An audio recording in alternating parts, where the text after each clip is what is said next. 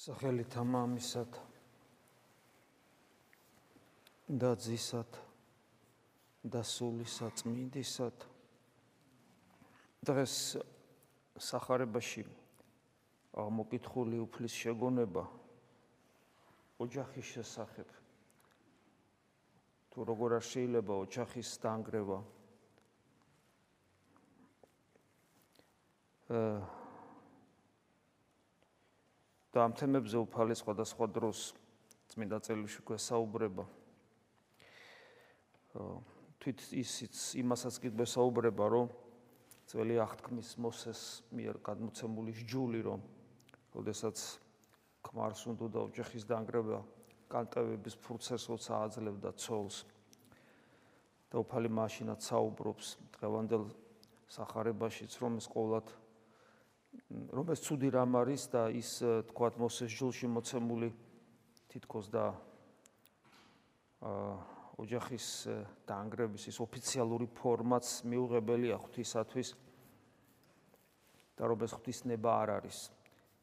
და რომ ღმერთმა მამაკაცსა და დედაკაცად შექმნა ადამიანი და ცოლქმრობა ეს არის იმ ჩანაფიქრის განხორციელება რომელიც ღმერთმა თავიდან ჩაიფიქრა ადამიანთან დაკავშირებით, როცა მამაკაცად და დედაკაცად შექმნა.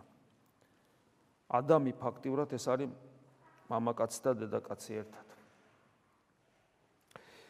აა ეს იმხრივარი ჩვენთვის ახლა საინტერესო, რომ როდესაც საუბრობთ ღვთის ნებაზე, ალბათ ერთ-ერთი რაშიც ყველაზე მეტად ადამიანია წინააღმდეგება ღმერთს, ეს არის სწორედ ოჯახის თემა და ის საყოველთაო უზნეობა, კარყნილება, რაც საერთოდ სამყაროში არის მოდებული და რაც არსებობს.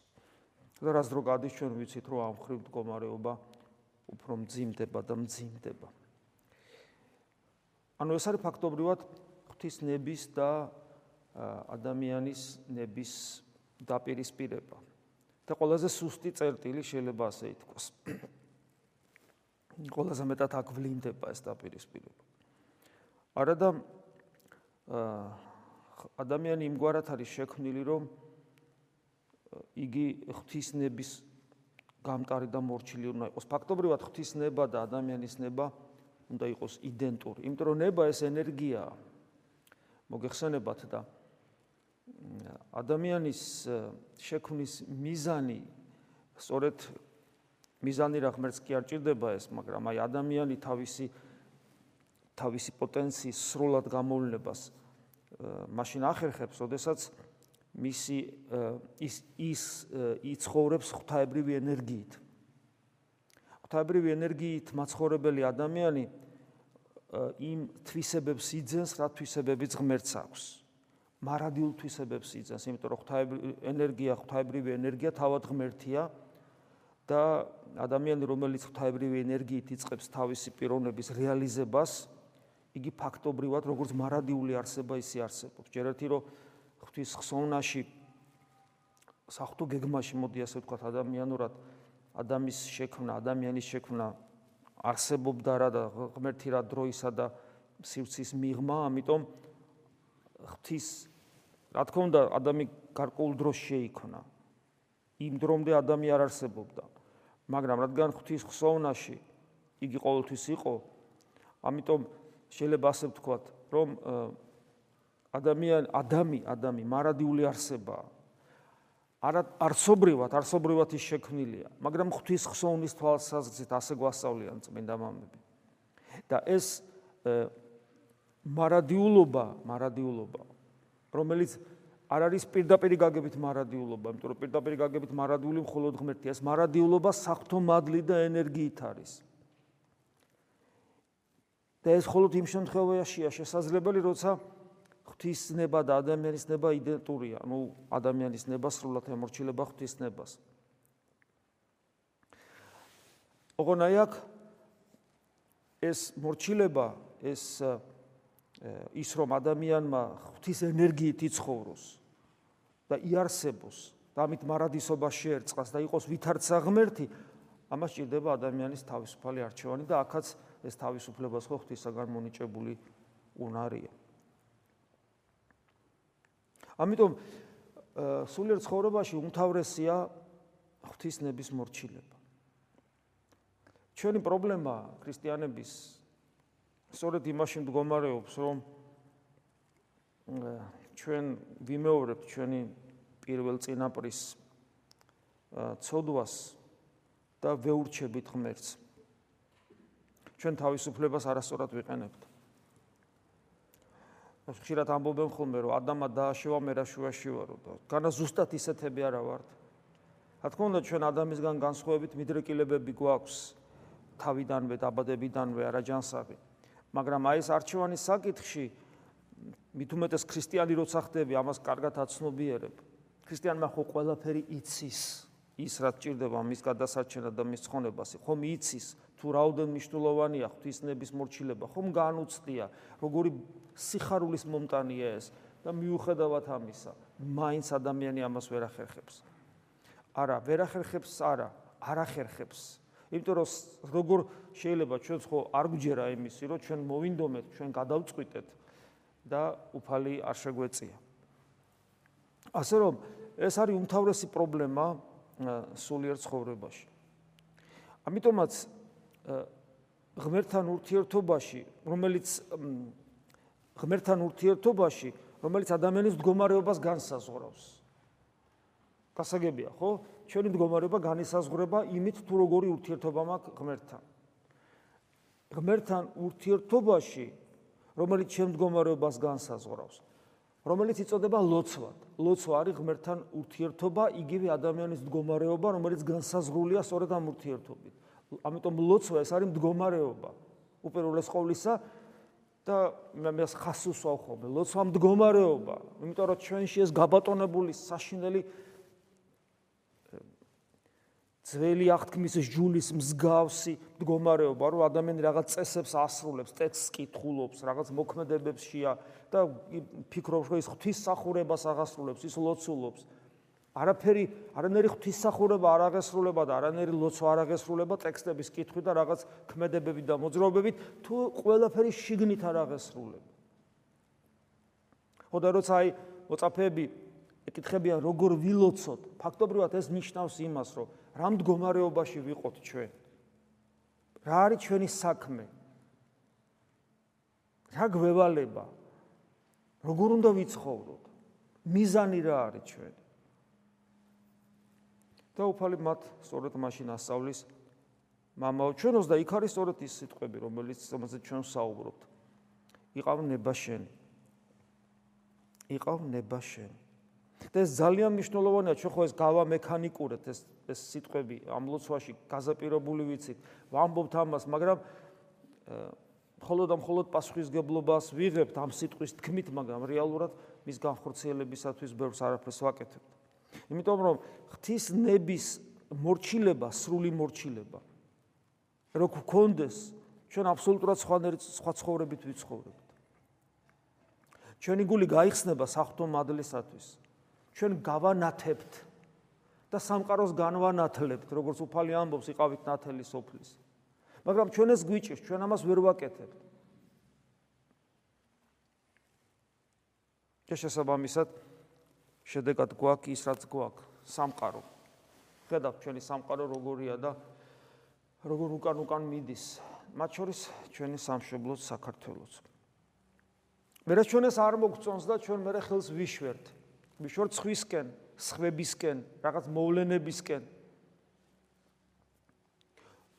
ხშირად ჩვენ საყოდროს ვოვნებით ღმერთს ხშირად წმენასაც კარგავთ იმ განსასწრების გამო, რომელიც ამ სამყაროში არსებობს. მაგრამ გავიწყდება რა, რომ ამ სამყაროში არსებული ეს უსიამოვნებები, რომელსაც ჩვენ ბოროტებას უწოდებთ, ეს ადამიანის უკეთური ნებიდან გამომდინარეა. უფალი ამას გვეუბნება წმინდა წერილში, უბრალოდ ჩვენ მას ვერ ვიჯერებთ. ჩვენ სულს რომ რაღაც ხვანერად იყოს, მაგრამ შეუძლებელია ხვანერად იყოს, სანამ ადამიანის უკეთური ნება უპირისპირდება ღვთის ნებას. ერთი ადამიანის ნებაც კი რო უპირისპირდებოდეს სამყაროში 7 მილიარდი ადამიანიდან ერთი ადამიანის ნებას რო იყოს დაპირისპირებული ღვთისნებასთან იმასაც კი ბოროტების წვეთიში აქვს სამყაროში. და ხო ხვდებით რომ ერთი კი არა ყველას ნება უპირისპირდება. ადამიანები ფიქრობენ პერიოდულად რომ ეს სიტუაცია შეცვალო რაღაცა რაღაცა მოიმოქმედონ რომ ეს ბოროტება ესე არ იყოს და ადამიანების ცხოვრება ამ სამყაროში გაუსაზლისი არ იყოს და სწორედ აქედან ვივარაუდოთ რომ ადამიანები ზოგჯერ ფიქრობენ ამას მართლაც გულწრფელად. და აქედან წარმოიშობა ის ის უამრავი კიდე ახალი ტალღა ბოროტებისა რომელსაც რევოლუციების ახალი იმპერიების შექმნის და სოციალური ფორმაციების შეცვლის და რა ვიცი რა რა რა არ მოყვა და რამდენი სისხლი და უბედურება ამას ცალკე ჩვენი საქართველო კლასიკური მაგალითია. ჩვენ რო უყურებთ თავისუფალ საქართველოს, რომელშიც უკვე თაობები დაიბადნენ და გაიზარდნენ, საბჭოთა კავშირის გრევის მერე ჩვენ ხედავთ, რომ სულ ეს მოტივა მოტივაცია არსებობს, რომ აი ეხლა რაღაცას შევცვლით, ეხლა რაღაცას გავაკეთებთ, ახლა სხვა არჩევნები იქნება, ახლა სხვა ხელისუფლება იქნება, აბა ეხლა არაფერი არ გამოდის. თუ არ ფუჭდება და უარესი და უარესი ხდება. მიზეზი ის არის, რომ თვითონ ადამიანი არ იცვლება.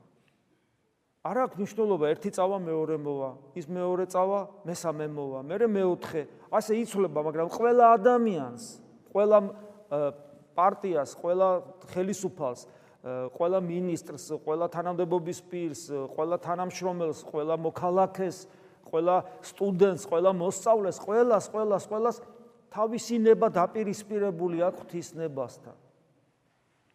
ამიტომ არაფერი არ გამოდის და არც გამოვა.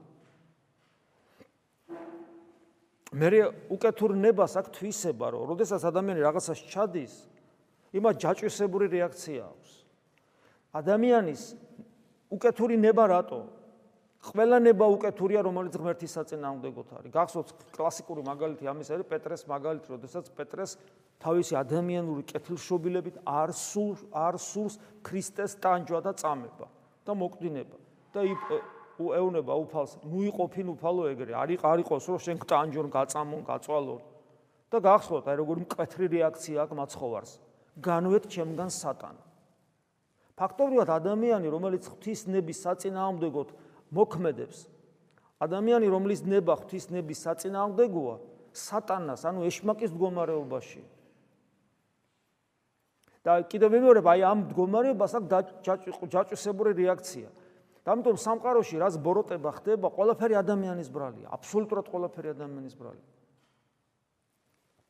ჩვენ ვიცით ხოლმე მე, ნუ შეიძლება ჩვენ ახლა ცოტა ამ ხრივ დავიხვეწეთ ჩვენი გარკვეული რელიგიური ცხოვრების გამოცდილებით, მაგრამ ზოგადად ადამიანს აქვს ეს, რომ აი ღმერთი რატომ არ ერევა და რატომ არ ერევა ღმერთი, აი ასე პირდაპირ და აშკარად. იმიტომ რომ ღმერთის ჩარევა რას ნიშნავს? რომ ადამიანს წაართვა თავისუფლება. ღმერთი ძალიან უცნაურად ერევა. აი სამყაროში როგორ ხდება, იცით, ყველა თავისას აკეთებს. ყველა თავისას აფუჭებს. აბსოლუტურად ყველა ადამიანი. ჩვენც მათ შორის. თავისი ჩვენ ჩვენი ყველა ჩვენ ჩვენი ნებით ცხოვრობთ. ღვთის ყოვლის შემძლეობა, ყოვლის მყრობელობა, უფრო ზუსტი ტერმინია. იმაში მდგომარეობს, რომ ადამიანები ხო სულ ყველაფერს აფუჭებენ. ყველაფერს აფუჭებენ. და აი ამ ყველაფრის გამფუჭებელ ადამიანთა ერთობას ერთობას და თითოეულ ადამიანის ცხოვრებას პლუს ღმერთი ისე წარმართავს. არ არ ზღუდავს რა მათ თავისუფლებას საერთოდ ისე წარმართავს რომ ყოველ ადამიანს ცხონების შესაძლებლობა ეძლევა სახარებაში და საერთოდ ბიბლიაში ამის მაგალითები უამრავია მაგალითად იოსებს ყიდიან ძმები ეგვიპტეში. ნუ ამაზე მეტი უბედურება რამხელა საშნელებას ჩადიან წარმოიდგინე. ღმერთი ხო ხელს არ უშლის. საფთა ღვთის განგებულება იქ მუშაობს მაინც ფაქიზად რომ იოსები არ ყდება იქ ჭაში ჩავარდება იქ ერთ ძმას შეეც მაგრამ ფაქტობრივად ეს არის უკეთური ნების ზეობა იოსების მაგალითი საოცრებაა საერთოდ მე მე იქ გაიყიდება მე მე მე ესე იგი მსახურა თუ მონა დაუდგება იქ ერთ-ერთ დიდგვაროვან ეგვიპტელს მე გახსოვთ დიდგვაროვანი ეგვიპტელის ცოლის დამოკიდებულება მის მიმართ, კიდევ ახალი ცილის წამება, კიდევ უბედურება, კიდევ ციხეში მრავალი წელი გატარებული ყოფნა. ყველგან ადამიანების უკეთური ნება იოსების წინააღმდეგ. შედეგად რა მოვიე, რა მივიღეთ? იოსები ხდება თანამართველი ეგვიპტის. ფაქტიურად ფარაონის მეორე მეორე კაცი. აი ნახეთ რა უცნაურად არის. ეხთვისგანგება სითქოს ღმერთი არ ჩანს არსად. ადამიანის უკეთურინება ზეობს და ხედავთ იოსებს თანამართველად ეგვიპტისა, რომელმაც საბოლოო ჯამში ისრაელი გადაარჩინა შიმშილისაგან. ხო საოცარი.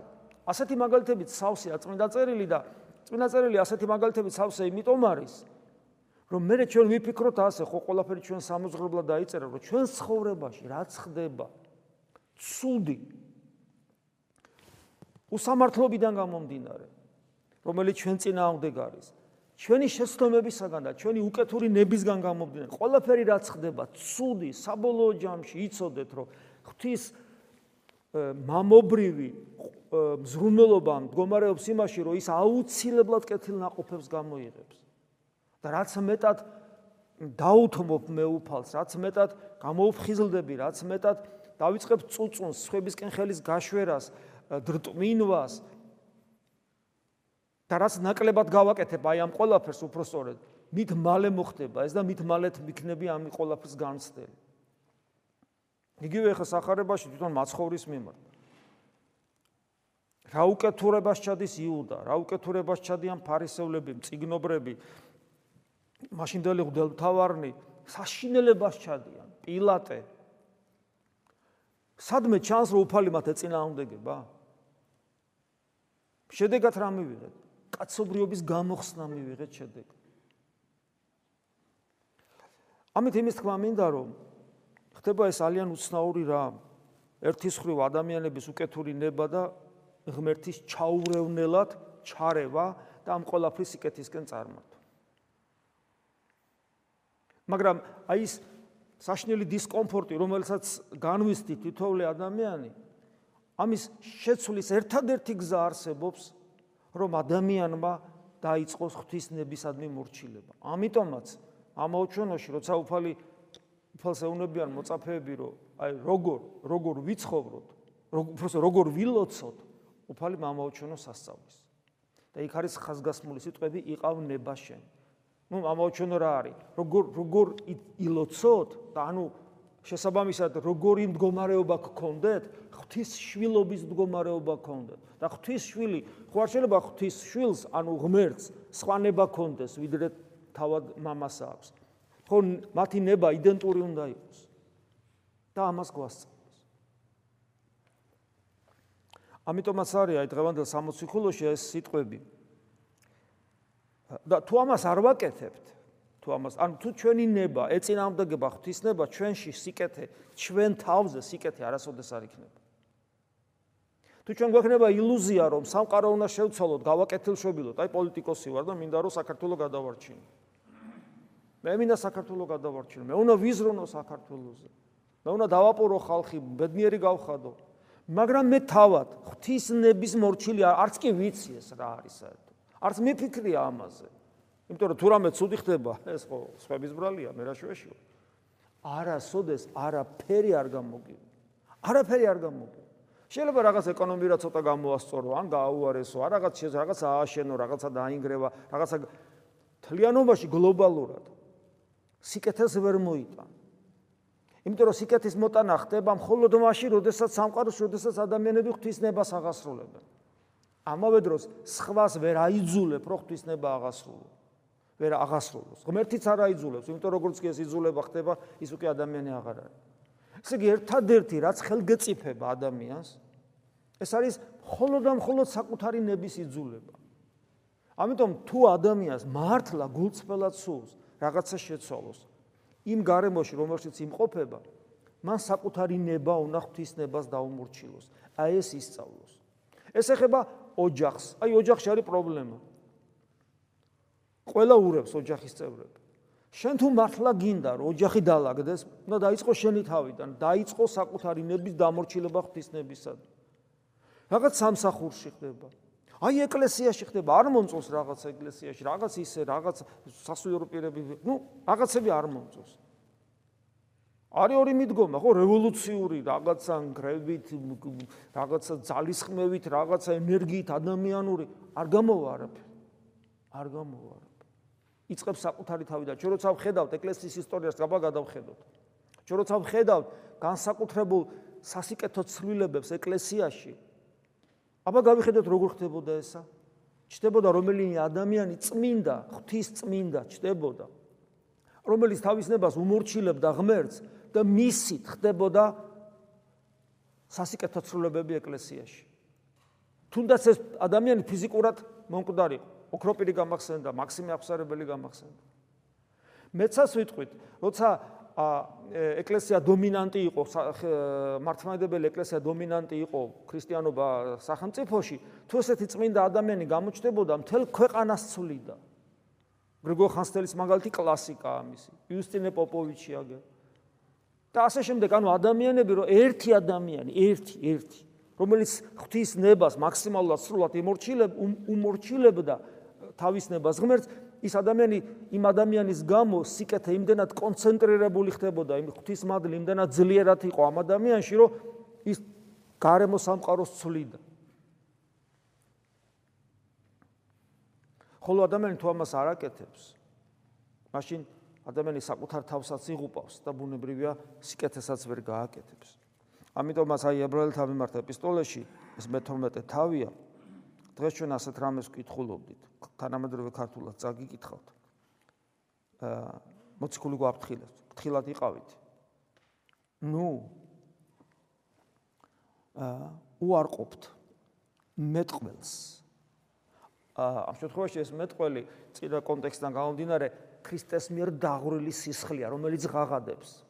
ქრისტემ დაღვარა სისხლი, რომელიც ღაღადებს სამყაროში. ეს სისხლი ჩვენ დავღვარეთ, ჩვენ მოვკალით ქრისტე ადამიანება და ეს ღაღადებს. რადგან თუ მათ, რომელთაც უარყვეს ქვეყნათ მეტყველი, ქვეყნათ მეტყველში გულისხმობს აა ძველი აღთქმის ჯულს, მოსეს მაგალითად. და იმ წმინდანებს, წინასწარ მეტყველებს, რომლებიც ღვთისნებას აცხადებდნენ, მაგრამ არ უსმენდნენ. და თუ აა მათ რომელთაც უარყვეს ქვეყნად მეტყველნი თავი ვერ დააღწიეს სასჯელს ჩვენ როგორ დავაღწევთ თავს სასჯელს თუ კი უარყოფთ ზეცით მეტყველს ეს არის გაფრთხილება ღმერთი მოვიდა და თავის სათქმელი თქვა სიტყვითაც საქმითაც და სისხლის დაღვრითაც და ეს ყველაფერი მეტყველებს. ვერაფერს ვერ უზავთ ამ. კი, რა თქმა უნდა, ზოგი უარყოფს ქრისტეს, ათეისტები ცალკე უარყოფენ ქრისტეს, იუდეველები ცალკე უარყოფენ ქრისტეს, ყოველას თავის ლოგიკა აქვს, მაგრამ როგორი ლოგიკაც არ უნდა გქონდეთ ადამიანებს, რომლებიც ქრისტეს უარყოფენ, ქრისტე ისი ანათებს. თავისი უსრულყოფილესი სიყვარულით და სიკეთით და თავისუფლების განსაცვიფრებელი ზეიმით ისი ანათებს რომ მას ვერანაირი ადამიანური ლოგიკა რელიგიური იქნება ეს თუ საბუნების მეტყველო იქნება ეს თუ ისტორიული იქნება ეს თუ ზნეობრივ მორალური იქნება ვერაფერს ვერ აკლებს. ის მეტყველებს ის ღაღადებს და ეს ღაღადისი ზეცამდე ადის. ამიტომ სანამ და ადამიანი ვერაფერს ვერ დაიბრმავებს თვალებს და ვერ იტყვის რომ არ არსებობს არსებობს არსებობს. და თუ ჩვენ ვუარყოფთ მის ღაღადის რაც მან სიტყვით, საქმით და თავის სისხლის დაღვრით იღაღადა და დღემდე ღაღადებს, მაშინ ჩვენ არაფერი არ გამოგვივა. ჩვენთვის ერთის ხრივ სწორედ ქრისტეს ღვაწლის გამო ძალიან ნიოლია ღვთისნების აღსრულება, იმიტომ რომ ეს ჩანს, ეს დამალული არ არის. ძალიან მარტივია შეხედო ქრისტეს მიბაძო, მიემსგავსო, უერთგულო მას და გაყვემას და ეძებო იგი შენ თავში. შეგვეციო სუფალი რომ მისი ნების აღსრულებელნი ვიყოთ.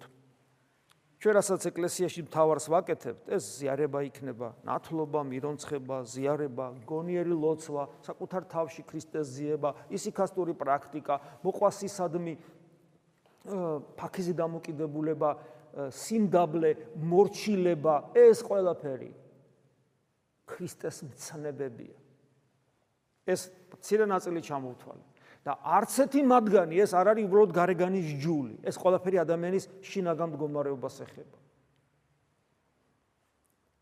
აი ამით აღვასრულებთ საქმეში ღვთის ნებას.